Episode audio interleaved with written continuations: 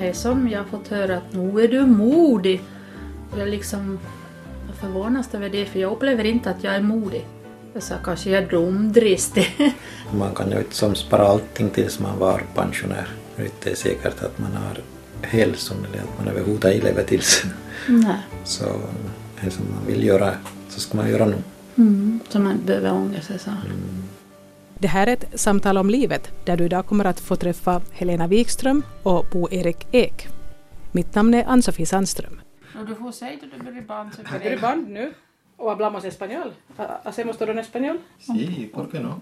I januari 2012 läste jag i lokaltidningen att Credu, eller Folkhögskolan i Nykarleby, till hösten ska ordna en volontärlinje med heltidsstudier i spanska under höstterminen och sen ska man åka tre månader till Nicaragua i Centralamerika för att jobba som volontärer. Det lät så pass intressant att jag nästan fick lust att själv anmäla mig till kursen, men sen kom jag att tänka på att jag ju faktiskt kan spanska, så det blev ingen volontärkurs för min del. I höstas råkade jag träffa Helena Wikström i matbutiken och det blev tal om att hon hade gått den här kursen. Jag frågade om hon kunde tänka sig att vara med i ett radioprogram och berätta om varför hon ville göra en sån här sak och vad hon fick ut av det. Hon var nog med på noterna men ville gärna att också någon annan från kursen skulle vara med. Och en fredag eftermiddag i slutet av september kom Helena Wikström och hennes kurskamrat Bo-Erik Ek hem till mig i Nykarleby. Vill du vi ska tala dialekt eller ska vi vårt Ja, modersmål eller högsvenska? Hur det känns bara. Men låter nog så vedervärdigt att jag ska prata är det- Vad vill du vi ska prata om nu sedan? Ja. men, om livet, om dig själv, om uh, vad du var och gjorde nu senast. Ja. Kom du ihåg hur du bra?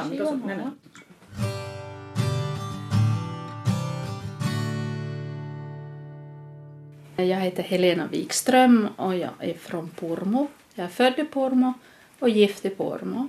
Jag är 52 år och eh, jag är utbildad barnträdgårdslärare men har jobbat både inom församlingen och i kommunen. Och, och nu har jag ett år tjänstledigt och nu vill jag pröva till jobb inom Kårkulla. Det var något som jag upptäckte i Nicaragua att jag vill göra.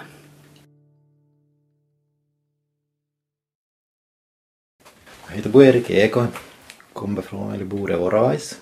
Är gift sedan 30 år, har fyra barn och två barnbarn. Är utbildad elingenjör. Satt på kontor fem år till första och så jag hade ett, eh, en egen installationsfirma hos SAN.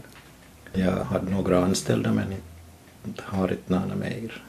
Både Helena och Bo-Erik är alltså över 50 och jag är lite nyfiken på vad som ledde till att de valde att ta en paus i det som de annars håller på med för att studera spanska och sen åka till Nicaragua. Så hur började det egentligen? Jag började med att jag såg en, i tidningen en annons som, eller de berättade om att Credo, Kristliga folkhögskolan i Nykarleby, skulle starta upp en ny linje som heter volontärslinjen och, och det skulle vara intensivkurs i spanska. Och det liksom det klack till i mig. Och jag hade mistat mamma min och svärfar inom tre veckor. Och jag hade vi tungt och för tjänsterna läste jag att det skulle jag vilja för jag önskade att lära mig mer spanska. Jag hade försökt vara nog på en, en MI-kurs men det var så sent på kvällen så jag orkade inte med. ena. Så frågade jag och barnet och gubben att det här skulle jag vilja göra. Att, vad tycker ni? Och de sa ja mam, yes mam. att Det är nog bara till sök. För jag visste ju inte om jag skulle komma in. Men jag tänkte två år söker jag. Kommer jag inte in så tar inte meningen jag ska fara. Och jag tyckte jag hade inga barnbarn och både mamma och pappa var borta. Jag tjänsterna läste att om jag ska göra någonting till Kodena så ska jag göra det nu. No, egentligen så såg jag nog förstås han i samma artikeln och han konstaterade ju att det skulle vara intressant. Kanske mest från de utlandsresorna. Jag tror aldrig att jag skulle som börja läsa spanska på eh, det sättet. Allt att ju ledigt för det. Men jag tyckte att det skulle vara jätteroligt att göra något annat. För att eh, arbete finns ju alltid kvar och det tar aldrig slut. Så jag måste säga, jag blev faktiskt utan de artikeln och stoppade den i nattdukslådan. och Där låg han nog en dag eller kanske en vecka. Så ringde jag och kollade med rektorn, med Göran. Och så tänkte jag som så bara att jag pratade med henne att jag kollade lite det om hur många som faktiskt måste börja för att de ska ordna. Jag trodde aldrig att de skulle som hit 14 som, var, som skulle börja. Så hon, hon lovade hon att bara tio började så att jag ordnade det. Så jag tänkte jag ska vänta en vecka nu så ska jag ringa på nytt och skåda om tio han har som sökt. Genom att jag har firma så kan jag inte bara som slut från en dag till annan. Utan jag måste, jag ska som göra den där arbeten färdigt. Jag måste åtminstone ha ett halvår på mig, kanske nästan längre. För att avsluta den där arbeten jag hade på mig och hitta på något nytt och så. Så därför måste jag veta på förhand om jag slipper med och om det överhuvudtaget börjar. Du anmälde ganska tidigt då. Jag måste säga anmäla inte mig utan Görel ringde upp det var tolv som hade anmält sig och så frågade ska du anmäla dig nu? Det var ju 49 som sökt. Det tyckte jag var svårt det väl. Det skulle jag vilja att allihopa skulle ha fått komma med men Tog du då först de som hade anmält sig först eller tog du enligt... eh, Nej, det, Nej, var, det- det var på inträdesförhör. Och Då kom jag faktiskt underfund med och inte alls säkert att man slipper med. Nej, jag var ju inte säker på att jag skulle slippa. Men jag kände att när jag satt där med de här människorna att wow, de här skulle jag vilja få på resor med. Att det känns det riktigt bra. Så man hoppas ju. Hur länge fick ni vänta förrän ni fick besked? Jag fick I nog reda, juni? jag fick nog reda på det på kvällen på samma kväll. Jaha. För att jag sa jag måste, Ja, men det var ganska snabbt för nog. att jag, sa jag måste ha reda på det för Ja. att så att jag börjar ta på mig mer arbete. Och i mitten av augusti 2012 påbörjade Helena och Bo-Erik tillsammans med 12 andra sina intensivstudier i spanska. Och sannerligen var det intensiv kurs. Heltidsstudier. Jo, Ja. ett språk var ju inte på toppet så jag fick nog slit för min spanska Ja, ord. det var nog mycket kvällsjobb när man kom hem. Jag frågade Helena och Bo-Erik hur omgivningen reagerade när de fick höra att de hade börjat gå på en sån här kurs. Det som jag har fått höra att nu är du modig. Jag förvånas över det för jag upplever inte att jag är modig. Jag sa kanske jag är dumdristig. att jag har inte som tänkt att jag skulle vara modig, något speciellt modig. För man får ju en grupp, man är trygg och jag känner nog mig nog trygg. Nu var det någon som ifrågasatte att du for. Jag vet inte direkt frågasatt men att det kanske nog allihop förstod det. För att nog är det inte kan det grej som, som många tycker skulle vara intressant att göra men sedan då jag kommer till kriton så då, då tar rytmen det stegen inte. Men jag tyckte jag var förvånansvärt mycket som var äldre som, som sökt. Att det var inte så stor procent unga. Ja, ungdomar har ju så oändligt mycket att de kan Ja. fara ut i världen Ja. och Kanske kostar mindre då. men är som jag kanske varit förvånad. Jag antog att vi började som studerade i fjol om hösten att nog finns ju alltid några som hoppar av innan, innan vi kommer så, så långt så vi kommer iväg. Men baket första vi kom så hade jag insett att allihop har tänkt igenom där, allihop är fokuserade. Så det finns ingen som kommer hoppa av. Allihopa var nog som tidsskovi. Ja. Vad visste ni om Nicaragua förrän ni började på den här kursen? Visste ni någonting om det landet? No, vi tog ju reda på, via datorn tog jag mycket reda på. men då vi började så visste jag nog väldigt lite. Jag förstår som man hade ju Skulle ni sett- fått det ungefär placerat på kartan? Jo, nog, Jo. som till det mellan syd och nord Mm. förstås. Det finns ju mycket på datorn som man kan hitta musik och bilder och Hur mycket fick ni veta om själva det här stället och vad ni, vad ni skulle komma att göra? Egentligen fick vi inte utan vad vi skulle göra. Så satt vi, ungefär fick vi vilka platser och organisationer vi skulle vara i. jo, men att vi vet inte när vann vi skulle vara. Nej. Det blev egentligen klart först då vi kom fram var jag skulle jobba och var Bo-Erik skulle jobba. Var ni allihopa på samma ort i alla fall? eller? Ja, Allihop var i samma stad. Esteli. Tredje största i Nicaragua. Lite under 100 000 invånare. var det. Och jag sa att hon som var lärare i fjol Hon är född och uppvuxen. Så hon hade ju mamma Sinte och En bror.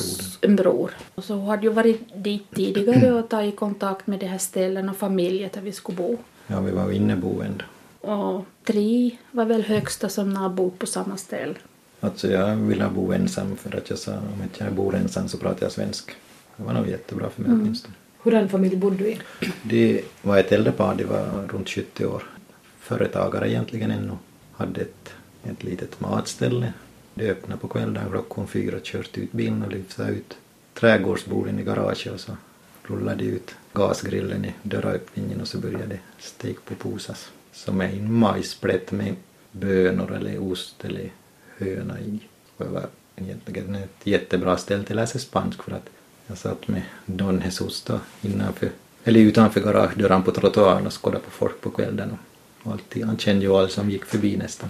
Hur var det här boende i, om man tänker på bekvämligheten jämfört med Finland och hur ni hade det här?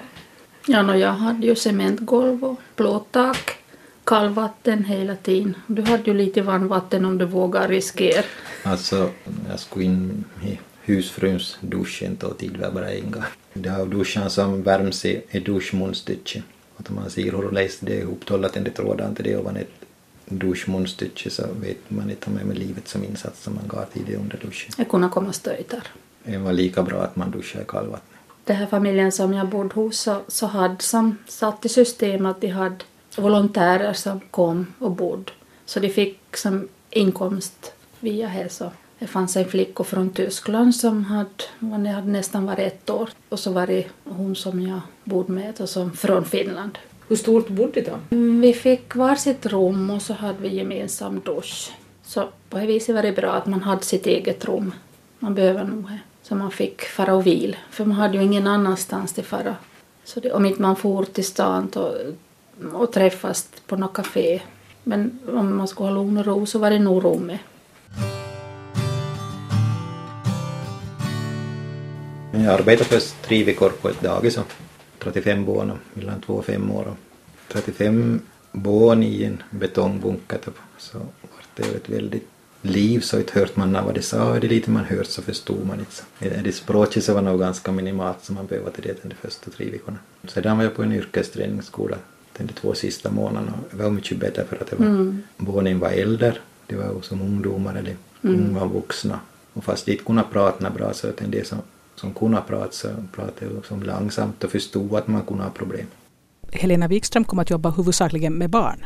Första platsen där jag jobbade mest så, så det var tre nunnor som hade som var katolska kyrkan som hade. Och det var barn som hade svårigheter ekonomiskt och de kunde vara föräldralösa. Så där kände jag ju nog att jag behövs då. Även om inte man kanske förstod vad de sa men de hade ju ett otroligt behov av det här närhet och kramar och sitta i famn. Eh, Känns det bra till jobb där? Sista tiden i Esteli jobbar Helena med personer med funktionshinder. på samma ställe där Bo Erik jobbade. Det var ju unga vuxna. Jag hade ju läst om det här stället och önskade jag skulle ha fått jobb med där i det innan, men det blev nog inte så. För jag tyckte om det här takten i det att man får jobba i sin egen takt. Att det var mer sitt till personens förmåga och tas hänsyn till det. Att det finns tid för det. Så här gillar jag. Man gjorde det man kunde. Det var jätteroligt det där just på yrkesträningsskolan då som all måndagar och fridagar så ses man i cirkeln och så fick all barn berätta. Och fast dit prata på hela veckan så steg det upp och, och uttryckte sig. Och just den det som, som bara artikulerat, alltså bästa kompisen så, som kunde prata, så förklara vad han sa. Tolka. Tolka. Och så applåderar allihop. Ja, ja, det bara det. ja. Och det finns ingen tidspress. Det var tills allihop var färdig. Det var ganska häftigt Ja. att vara med om det innan. Och jag tycker det var så roligt jag kom dit och så att de, ni hö- ni höll ju på med det innan då. Så var jag inte så och kramade mig strax till det så. Det är få stället där du blir kramad och du kommer in till ett nytt ställe. Så hon såg säkert att det behöver en kram. Men Nej. att jag hade ju som aldrig som sagt att jag ville på något speciellt. Det tar bara som en glad överraskning. Jag tror ju inte att man, man kan göra något riktigt mycket som på så det korta tid och med så det dålig spansk inte och jag menar klart vi kunde uttrycka oss men att inte kunde ju jag diskutera vad som helst på spanska. Hur länge tog det för de här volontärerna att börja känna sig lite hemmastadda på det nya stället och med det nya språket? En månad nästan tyckte jag det innan, tog, innan jag kände att språket började liksom flyta bättre. Men, men, Mm, men, men- nog stämmer det, det som du sa med invånare för att bakom de, första veckorna så, så gick man ju runt i stan och kollade in stan och åtminstone jag så reste jag runt ganska mycket på helgen och ju, Mm. ju längre man var där så kom man underfund med att nog rejde man sig bara till hopp på bussen och så kommer man tillbaka med bussen inte tillbaka. Och det skulle man ju aldrig gjort som första veckan, att man ska hoppa Nej, på alltså bussen det- till, det var till, till det- huvudstaden för att det var Och man gick ju gata upp och gata ner och lärde känna Ja, stan. centrum. Vi var Ja. som ytterst lite ute i utkanten för att det var som slumområden Jo, runt och det hela var stan. inte något tryggt heller att det fara. Hur upplever man då det att man ser folk som lever i en materiell fattigdom som man inte ser i Finland? Det har det usligt men att det är jätteglada. Alltså, de har ju det här glädjen. Alltså, jag märkte inte att det påverkade dem så att de skulle ha hängd hängd läpp så det är som man säger det ena utan Alltså det, det är ju som ett stolt folk. Ja. Så, så du, du är stolt oberoende om du har, har eh, fattigt eller om du är rik. du klär dig med det finaste du har men du kan bo i ett rokel. Och musiken och, och det här glädjen här har de. Ja. Så jag beundrar nog den. Ja. Jag diskuterade det med under husmor där jag bodde som förklarade det som väldigt bra för att hon sa att det med, med fattig och rik så hon tycker att man är fattig om inte han som sköter sig, om inte du det kläder ren och tvättade och, och har det som städat. Där då är, att det hade inte så med pengar att göra. Det var en stolthet, liksom. Att de bar upp kläder väldigt. Och klart det fanns det som tiggde, mycket barnen som tiggde. Att jag brukar istället för att ge peng, ibland gav man ju peng, det är de inte har någon annan möjlighet. Men var man nära ett bageri så, så får man och köpa någonting till äta istället. För då visste man att, att gav man en, en slant så kunde det ju vara att ett större barn var i gatuhörn och vänta på det. Så de, de mindre barnen fick inte någonting gåvor. Men i- inte var det mycket tiggare i Esteri. Inte jättemycket. Nej, nog finns det men att det var nästan det är nog samma. Jag frågar Helena Wikström och Bo-Erik Ek ifall de under sina tre månader i Esteli i Nicaragua drabbades av hemlängtan. Det började märkas nog att man hade länge bort två månader hade gått, att man fick nog drygt. Så jag var till sig att helgen att man hittade på, det här påsken var jobbig för då var allt stängt. Som skolorna var stängda och det här arbetsplatsen var stängd så Alltså hela veckan. hela veckan. Det började ju redan och fastan börjar så började det ju fira så de firar ju jättelänge. Men då då huvudveckan så var det nog, vi var ju till havet. Vi var upp till Miraflor till det då. Det var en nationalpark mer eller mindre uppe i bergen. Har Det var ju mycket djungel- svalare uppe i ber- bergen. Och grönt. Vi var några tid. Och sista veckan så, så var vi vid havet. Det var ganska långt bort. Det tog ju hela dagen tog vi full tid. Men att det, vi var hela veckan vid havet. Och det var ju...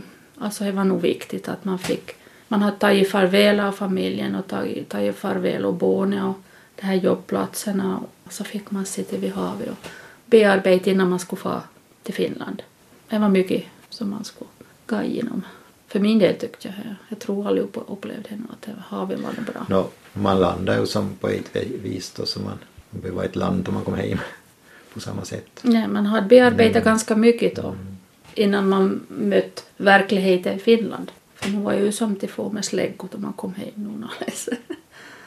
Det- vilket sätt? Nå, allihopa fråga, allihopa fråga och man var ganska trött det med det här mm, tidsskillnaden och det var ju nio timmars skillnad då innan kroppen vande sig. Jag tyckte nog att det tog en... Och så fortsatte ju skolan, vi var ju i skolan en månad efter. Så vi fortsatte ju med studierna. På vilket så- sätt fortsatte ni efteråt? Var liksom... Jag, jag fortsatte inte när jag, jag, Nej, jag har- plockade som telefon ur skrivbordslådan och började svara i telefonen och började ringa på morgonen. kom du börjar ju jobba du med Så jag samma. började arbeta strax. Bo-Erik Ek berättade ju här tidigare att han är företagare och har en elinstallationsfirma. Alltså jag kunde ju som mitt svara i telefon med en jobbtelefon att jag gick i skolan. För att då skulle jag ta på arbete för att arbeta. Så jag stoppade den i skrivbordslådan och så knäppte jag på en paket nio månader. Och märkligt nog så började jag ringa tillbaka. Men fortsatte den spanska studierna att man skulle liksom läsa vidare eller fick Nå, nu var ju. Nu skrev jag en redogörelse för vad vi hade varit med om där. Ja, man skulle skriva en uppsats på spanska. Men direkt något prov hade vi ju inte. Vad skulle då Helena och Bo-Erik säga att var behållningen av den här kursen? Förutom att de lärde sig spanska. Människomöten. Alla de här som man, man träffar på. Som man har kontakt med ännu. Jag, har, jag skriver spansk så därför jag börjat spanska kurs att jag ska få prata för det glöms så fort. Man vågar inte börja öppna mun till sist. Nej, nu är det människorna. Och det här pulsen, den här musiken och, och den här glädjen som de har faktiskt. En sak som man vart som man såg är det att, som att de, de var faktiskt gladare människorna där. De tog vara på varandra på ett helt annat sätt. Man såg, speciellt på dagis, det var ju kanske inte samma säkerhetstänkande som jag att de var ute och lekte och det morre och gråt förstås emellanåt men att just att de tog hand om varandra riktigt som handgripligt.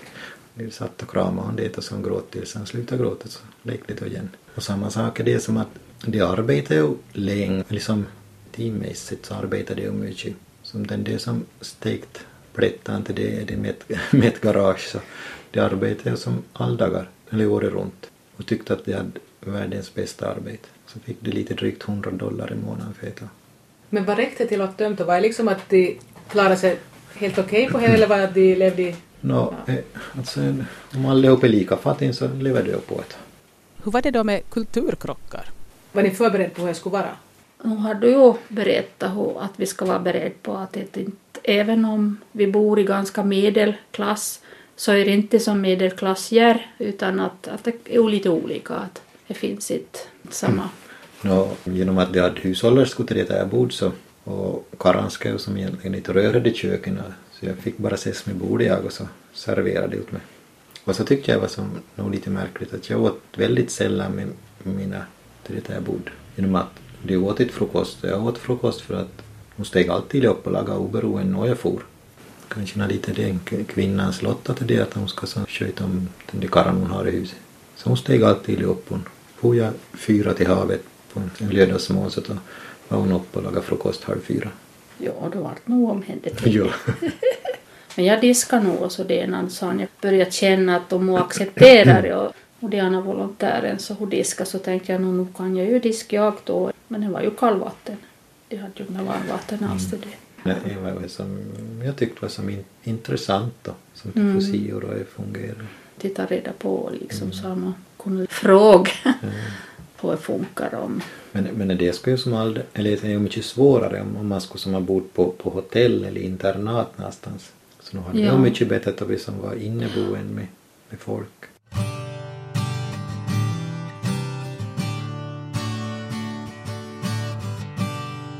Det här är ett samtal om livet med Helena Wikström och Bo-Erik Ek som båda var tre månader som volontärer i Nicaragua i början av det här året. De är båda två över 50 och jag frågade dem vad de tror att var orsaken till att just de ville göra en sån här sak just nu. Hade ni drömt om tidigare att kunna ha en tidig paus på det sättet Alltså, eller göra någonting helt annat? Ja, jag all, eller det sista tiden har jag nog tänkt att nu kan man göra någonting annat än bara arbeta. Men att det är ju förstås det att, att barnen har varit stora och förstås ekonomiskt hade möjlighet. Ja, no, ja, vi har ju två vuxna barn och inga barnbarn. Så jag tänkte att ja, no, det här ska jag göra innan jag får barnbarn för, för det vill inte jag miss. Och så har jag varit utbränd 2007. Så har vi en lång väg ur det här. Och så just med det här att mamma och svärfar då. Det blev, det blev mycket och det blev tungt. Så det kom nog rätt tid. Jag var mogen för det. Och det var så konstigt att det kom ju flera gånger i olika tidningar om det här. Då. Först skuffade jag undan det. Nej, nej Helena, nej, nej. Men till sist så kunde jag inte. Jag fick inte frid över det innan jag anmälde mig och så tänkte jag, ja, är det meningen jag ska så då klipper jag på intervju. Jag hade sagt åt Helena och Bo-Erik att vi inte skulle prata enbart om Nicaragua utan jag skulle också vilja veta hur de har blivit de personer de är idag. Hur är det varit så deles som ni är just idag? Jag säger Vi börjar med Helena Wikström som alltså är 52 år gammal och bor i Purmo i Pedersöre. Jag har växt upp i Pärtan och har en liten, liten gårdsgrupp i Niederpormo. Och hur länge bodde hon där? Tills jag gifte mig, 19 år. Och Du flytt... gifte ganska ung. Ja, jag gjorde. Vad är ditt livs stora Gubben kärlek? tyckte, vad är det, vad är det, det nu att jag väntar på? Hur träffade du dem? Första gången så var jag i kyrkot och jag gick på femtklassen och så tänkte jag det ska jag ha. Hur gjorde du för att det skulle bli så då? Då jag var ju så fissig så var- det var ju bara en tanke det. Men det blev nog så småningom med det.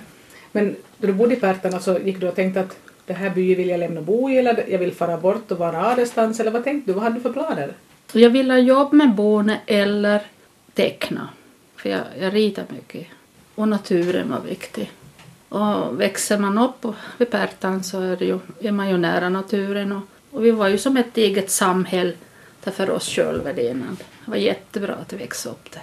Men att jag skulle få till Nicaragua, det kunde jag inte tro. Jag satt och sjöng hopprejpi under björke. Jag brukar sitta på en sten och så hade det stora björk över. Att jag brukar sitta och sjunga. Men om du gifte dig som 19-åring, men hade du, hur gjorde du bakat grundskola då? Mm, Gymnasiet. Och han till Barnträdgårdslärarinstitutet då. Men då var du regift? och- Ja, jag, gick, jag var väl en vecka ogift till Barnträdgårdslärarinstitutet och så, så bytte jag namn. Och i och med att Helena gifte sig så flyttade hon till en annan del av Purmo, till Lillby, till sina svärföräldrar. De hade jordbruk. och var enda pojken. Så, så vi började en kammare. Så fick, jag, fick vi en flicka och några år senare fick vi en pojke. Jag konstaterar att det är ju nästan lite ovanligt att man gifter sig i tonåren och fortsättningsvis när man är över 50 är gift med samma person. Jag är ju inte samma kvinna som har gift sig med och har inte samma man som jag gifte mig med. Att man förändras ju. Summa summarum har vi ju jättemycket i lag. Även om jag nu jobbar utanför hemmet. Så vi hade jordbruk. Så att man jobbar ju varje dag i lag. För först hade vi kodorna och san. San bytte vi om till höns. För gubben fick astma och då vi bytte om till höns så reagerade jag med på det och så jag fick också. Vi fick yrkesastma båda två. Måste ni liksom sluta med det helt enkelt? När vi gick många år med hjälm och försöka. Med hjälm? Ja, en friskluftshjälm. Som man hade på sig hela tiden. Då. Det måste ju vara besvärligt. Nå, det var nog det. Så i vilket skede, när slutade ni med det 94 slutade vi med kodorna och så hade vi höns. Men så blev ju, det här EU gjorde ju att priset for ju botten. Men i samband med det så hittade det här smidigt. Så då började med det? Mm. Så fyra år så var vi överallt i det då, tills jag fick, fick namn om sig, de började känna så började vara bättre och bättre och så det här kan ju faktiskt leva på. Så då det blev så det dåligt med det här äggpriset så då så beslutade vi när vi pausar och ser och väntar tills det blir bättre tider men det har ju aldrig blivit henne riktigt så. För några år sedan så lagade vi ut allt ur fösis så nu har, har olika rum för det här slipning, träarbeten och läderarbeten. Så har vi en liten shop där, som, där vi har uppställt det som man gör. Men då började ju jag jobba med barn då när vi lagade bort det här. Så du hade utbildat dig till barnskötare men inte egentligen varit och jobbat speciellt mycket? Då, Nej, efter vi tog över jordbruket. Liksom... Så länge barnen var små så, var vi mycket, så jobbade vi hem. Så kunde jag vara hoppa in och sådär för att vara uppdaterad lite. Jobba mycket frivilligt med barnen inom församlingen. Var ni församlingsaktiv från familjen när du växte upp? Mm, mamma var det, alltså trona jag fått och henne, det är liksom, ja, vad mamma var aktiv. Så. Du nämnde att du var utbränd för några år sedan. Jo, och jag funderar orsaker, men det kan ju hända att det blev mycket stor omställning från att vi satt ju på jordbruk och så blev vi inte som vi hade tänkt, jag blev sjuk båda två. Jag funderar men kanske var det att det blev mycket förändringar som gjorde att jag kom in i det utmattningsdepression. Det ena. Hur länge gick du var glömt slut förrän du insåg att du faktiskt var? No, det var nog egentligen gubben som sa att det här går inte. Hur började han märka att, att du var liksom... No, jag slutade ju till att vara glad. Kanske inte så många hade märkt det, men han märkte ju att det här går inte. Och jag förstod ju själv inte det, för man, man är ju blind.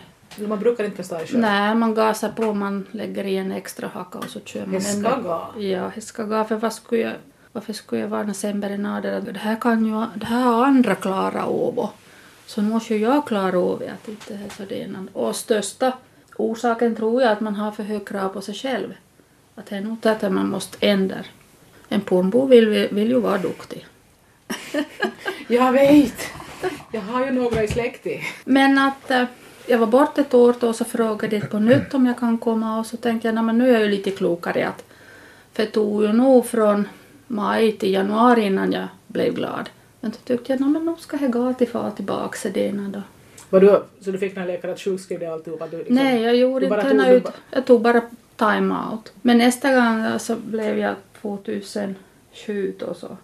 Och gubben började nog säga att nu, nu igen håller du på. Det, ena. det blev mycket förändringar så det ena att man börjar känna att åh nej, vi är efter, vi man hade byggt upp det efter sig eftersom jag var ensam, jag jobbade ensam. Och här har beslutat att jag vill inte göra en jobb mera. Att man ska nog vara fler för du kan inte vara överallt. Det är nog de kraven man har på sig. Fast man blir bara trött av det. Hur länge tog det förrän du kom ur det? Då blev, får jag nog djupare och då blev jag nog rädd att fast det var sol och sommar så tyckte jag inte det var någonting värt någonting och, och då visste jag ju nog att det här är ju nog något fel. Då får jag till läkare och jag sa jag vet inte var jag ska börja. Hon sa nej men att Skåden ordna remiss åt mig. Att, men hon släppte inte mig eftersom det tog så länge innan jag slapp, slapp att prata med henne. Så hade hon så att hon hade med mig jämna mellanrum tid och prata med mig. Så jag tycker hon var jätteklok som läkare. Att hon inte släppte mig utan att hon kollade upp hur jag mådde och så det. Sen fick jag ju hjälp med det innan då. Och så hamnade jag på en kurs vid Norrvalla för utmattade i arbetslivet. Och det blev nog vändpunkten för mig i det. Var det 2008 eller vad var det så? Ja, och då hade jag redan börjat komma upp lite så jag orkade vara på den här kursen för man jättetröjt. För man var ju så tröjt av ingen orsak. Någon orsak fanns ju säkert. Jo, men man, men man, tyckte, ju, man ja. såg ju inte själv att, att varför jag är så trött och bara vill sova. Så det blev nog vändpunkt för mig. Kom du till nya insikter om hur du själv funkar? Och man fick ju svart på vitt att det här alltså det är om man inte lyssnar på sin kropp att det kommer de här olika stegen och till sist så, så kan ju kroppen helt stänga av så att man inte kommer ur säng heller. Och så börjar man bearbeta med sig själv för man med själv man måste man trodde att arbetet var det viktigast, det skulle man klara. Men att det var nog det här familjen och barnen, det att man själv skulle må bra. Tror du så kommer iväg på det här Nicaragua som inte skulle gå igenom Hedenad? Jag tror inte. Jag ser ju nu, jag ser i backspegeln att det här jag har varit med om har ju format mig och gjort mig till den person jag är idag. Att jag är känslig för stress och känslig för ljud fortfarande. Men att eh, jag lyssnar ju mig på kroppen min och så det att jag är trött så vilar jag. Man, man trodde att man inte kan vila på dagen. Man ska ju vila på natten, ska man ligga på dagen. Det kanske är det att man märker att man orkar ju kanske mer till man var 25 än till man är 50. Ja, det är ju helt ja. inte... Det är ju en sorg det att um, har avklätts mycket det som man har orkat med. Att det är klart att det var en stor sorg det. Och just man börjar märka att det här barnljudet, att jag var så trött och det som jag tycker så om. Det är nog en sorgeprocess. Men att jag har sökt olika redskap. Så jag, nu idag vet jag liksom att vilka tecken som jag ska vara observant på. Du måste inte vänta tills någon säger åt dig? Nej, men det är ju bra gubben säger. Jag kan ju nog säga att nu börjar du läspa. Att nu, ja, här är en sak som jag börjar läspa. Allihopa har vi olika saker. Jo, jo.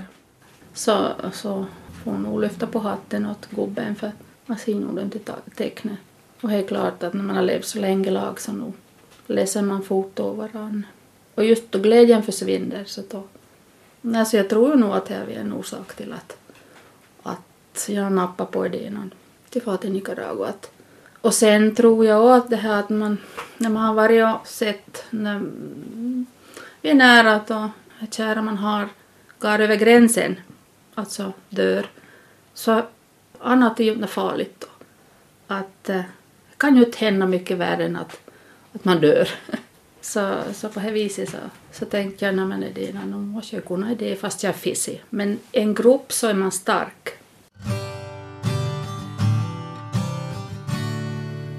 Jag ber också Bo-Erik Ek berätta lite mer om sig själv och sin bakgrund. Jag växte upp i Svedjen, i Storsvedjen, i Munsa. Och hur var du då? Var du som att hon sa hon visste att hon ville, att hon ville arbeta med barnen. Visste du vad du ville göra då du var lill? Absolut inte. Jag är inte säker på om jag vet det ännu heller. Bo-Erik berättade här i början att han är utbildad elingenjör. Men det var nog bara som en tillfälle det att, att jag som började med el. Någonstans skulle man som, eller man skulle börja i skolan någonstans bakåt högstadiet. Och Bo-Erik Ek började med ett år i gymnasiet. Mina föräldrar så hade som en bekant som hade gått ett år så man skulle slippa in till tekniska. Så man gick ett år i gymnasiet så man fick lite hum med det matte och så sökte man in till tekniska och så kom man in tid och så arbetade man ett år och så började man. Gjorde du så? Ja. Så det var en bra idé tyckte du som det? Nå, inte vet jag. Så det är efterskott så var det en bra idé. Det skulle vara mycket bättre att gå via yrkesskolan. Man skulle vara mer eh, förberedd på det. Vad man, jag hade ju absolut ingen aning om vad el gick ut på till jag började i tekniska. Jag hade bara läst lite matematik så jag klarade matte i tekniska. Och det var ju i och för sig en god sak för att det finns ju hur mycket som helst att räkna på det.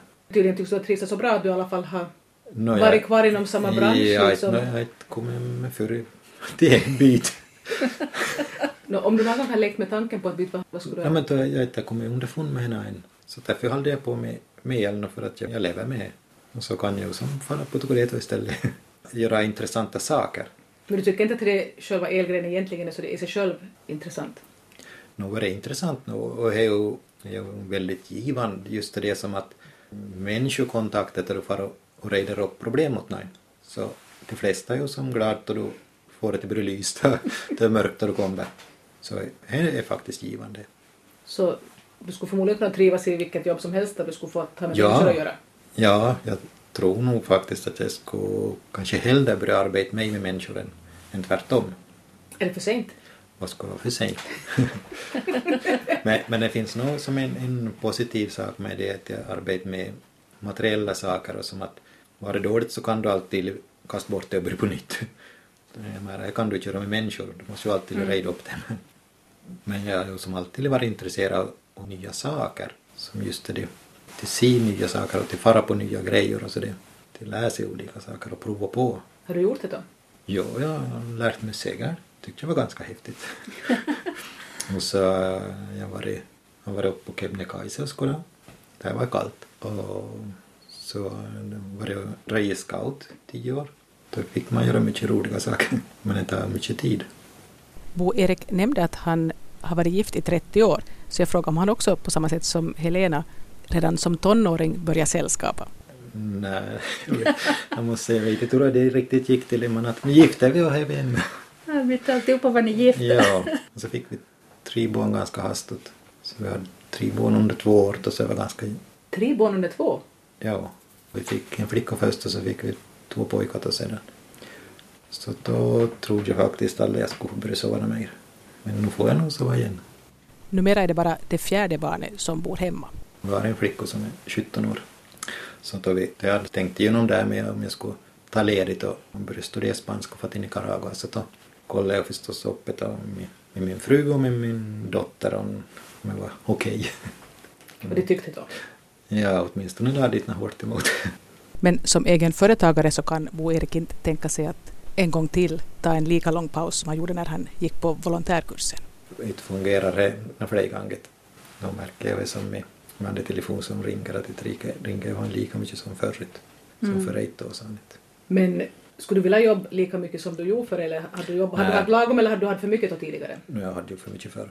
För du hade inte så pass mycket att du hade riktigt lyckats lägga det helt slut som händer. Jag kanske så, så jag själv så jag la bort det där arbetet. Och så får du till Nicaragua. Nej, jag la nog bort det förr. Mm. Men alltså det måste ju vara svårt att som egen företagare kunna avgöra hur mycket man ska ta på sig för nu vill man väl säkert Ja, alltså du tar på det för mycket.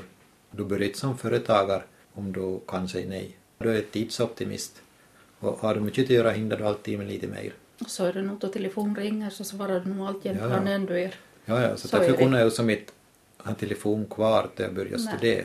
Så därför måste jag som knäppa på den och lägga den i skrivbordsluren. Så stod jag framme i tio månader. Då hade du liksom informerat folk som eventuellt skulle ha Ja, anlitat jag, dig? när jag la, jag la på telefonsvararen att jag hade ett projekt på gång. Mm. Och nu är jag så kom tillbaka. Det var ett stort projekt. Helena nämnde att hon hade fått sin kristna tro via sin mamma. Men hur var det med Bo-Erik? Växte han också upp i ett hem där man var troende?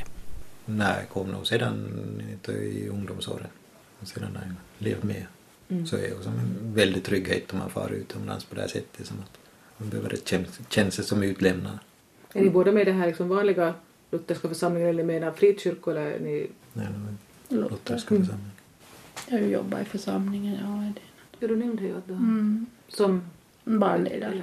Men jag har tagit ett, ett år till tjänstledigt för att jag prov till jobb inom kårkolla. Det känns det så bra att jag fick prov på det i Nicaragua. Så hade du inte tänkt på det här förut utan det var en grej som kom i och med det? Ja, egentligen nog.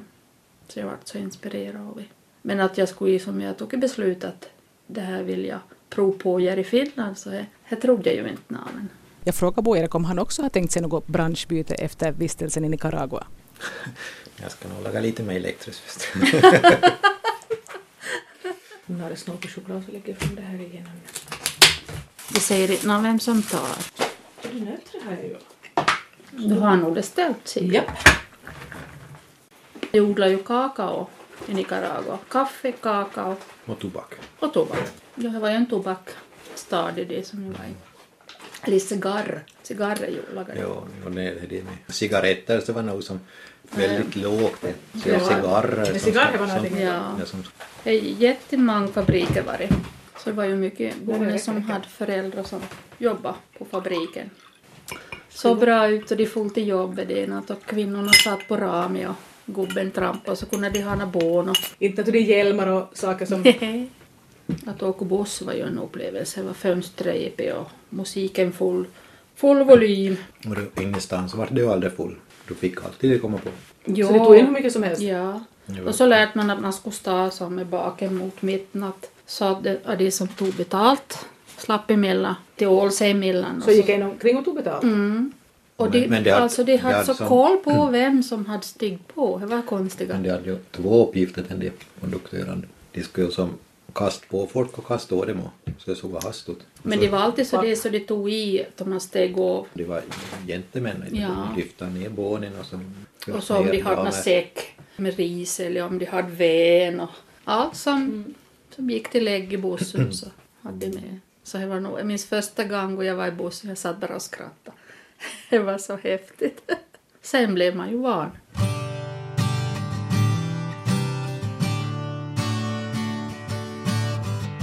Vi har redan suttit ganska länge och pratat om Nicaragua och om allt möjligt annat. Så för att knyta ihop det så frågar jag ifall Helena Wikström och Bo Erik Ek har någon sorts slutkläm de vill komma med eller om de ännu skulle berätta lite mer om vad den här vistelsen i Nicaragua gav dem.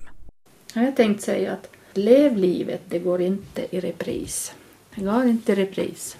Det är nu, nu ska ske om det ska ske. Man kan ju inte som spara allting tills man var pensionär. Det är inte säkert att man har hälsan eller att man överhuvudtaget lever tills. Så det som man vill göra så ska man göra nu. Så man behöver ångra sig så. Men det är ju vissa saker som man inte man visste att man längtar efter innan man möter det. Att inte hade jag nog i så det jag tänkt att oj oj oj jag skulle slippa dit och jag skulle slippa göra det. Utan, utan det blev nog bara så det. Men att det känns det rätt då, då jag kom. Så du sa att du liksom att det dök på det från alla olika håll det Ja, att jag pockade på hela tiden och jag tänkte nej. Och jag, jag tror att det, det var nog mer att jag skulle få på det. Det känns då så. Det var liksom som, som Sound of Music att då Herren stänger en dörr så öppnar ett fönster. Att så känns det nog. Helena Wikströms mamma hade dött ett knappt år innan Helena började på den här kursen. Jag bearbetade sorgen vaket mamma min. Jag fick som tid tid till det så då jag var ledig. Brukade sitta i trädgården och sticka. Då, då funderade jag på det. Så att, att det var nog, för mig var det nog viktigt en resa. Jag kände att mamma var med där. Att jag var trygg innan. Fast jag var så långt bort. Jag kände mig trygg faktiskt. Och så fick jag ju så otroligt fina vänner och vi var ju en bra grupp. Bra att de har varit till, till fonder med. Jag tror nog det skulle ha varit jättetungt det var is med det tre månader. Om inte ha något till, till prata med. Mm. Klart man har tryggheten i, i familjen som man bodde i Ja. men det var ju inte samma ändå. För de kunde ju inte förstå hur vi upplevde det. Ja, och så nu är det det du ska som kommunicera på, på nya språk och inte det ju lika enkelt. När Då jag for dit så jag hade ju inte som förväntat mig att jag skulle göra någon stor nytta där men att jag hade ju hoppats att jag skulle råka på någon som jag kunde göra någon nytta för. Jag tyckte jag var så roligt det på det dagiset så, så började vi se på en, en flicka som inte tog kontakt med Ade på samma sätt som den de då kom vi underfund med att hon måste ha fel på ögonen. Och småningom då så fick vi tag om mamman och de hade nog varit till leka med men att de hade ju råd att köpa glasögon och allting. Så, så jag ordnade vi åt hon så hon flickan fick glasögon och, just det att jag var med till optikern då hon fick den där glasögonen att hon skådade sig första gången i spegeln. Att hon troligtvis, ja första gången hon hade sett sig själv. Det var nog värt under resan. Mm. Jag upplever ju nog så att, att det som sker så jag har ju en mening. Men om man ser det då är det ju en annan sak. För jag har ju sett att tron liksom är stark och att det, att det hållet och du går över gränsen, det hållet är död på. Så jag tvivlar ju inte på henne. Och jag upplever ju att, att jag skulle till det. Jag hamnade i situationer åt där det att jag kände att, att jag skulle träffa de här människorna.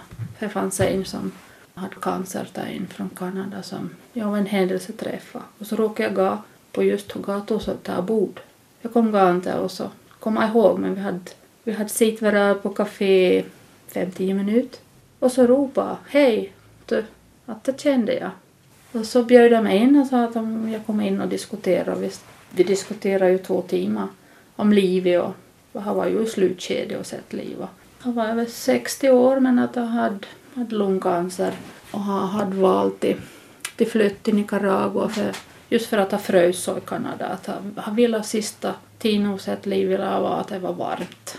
Och han sa att hans pensionspengar räcker inte någonstans i Kanada men till det innan så levde han ju som bra. Han kunde ha en städerska och en person som hade lite koll på och hjälpte. Men att vi hade ju stor glädje över det. Vi sitter och funderar och pratar. Så jag var en gång i veckan och träffat och de sista veckorna jag var där.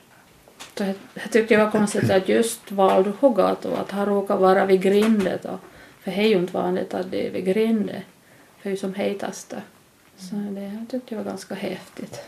Alltså nu kan vi säga som så att nu gett så mycket mer än det kostar. Det är pengar en skillsak men det är som man lägger tid och energi på. Så att nu, nu fick man valuta för den energin som man satsar på. Så nu, nu är det som minnesvärt. Och I slutklämmen ska nog vara att, att alla som alldeles får chansen så ska jag ta an. Det sa Bo Erik Ek och vi hörde också Helena Wikström i dagens Samtal om livet. Jag som har gjort det här programmet heter Ann-Sofie Sandström och nästa vecka samma tid är det dags för ett nytt avsnitt av den här serien.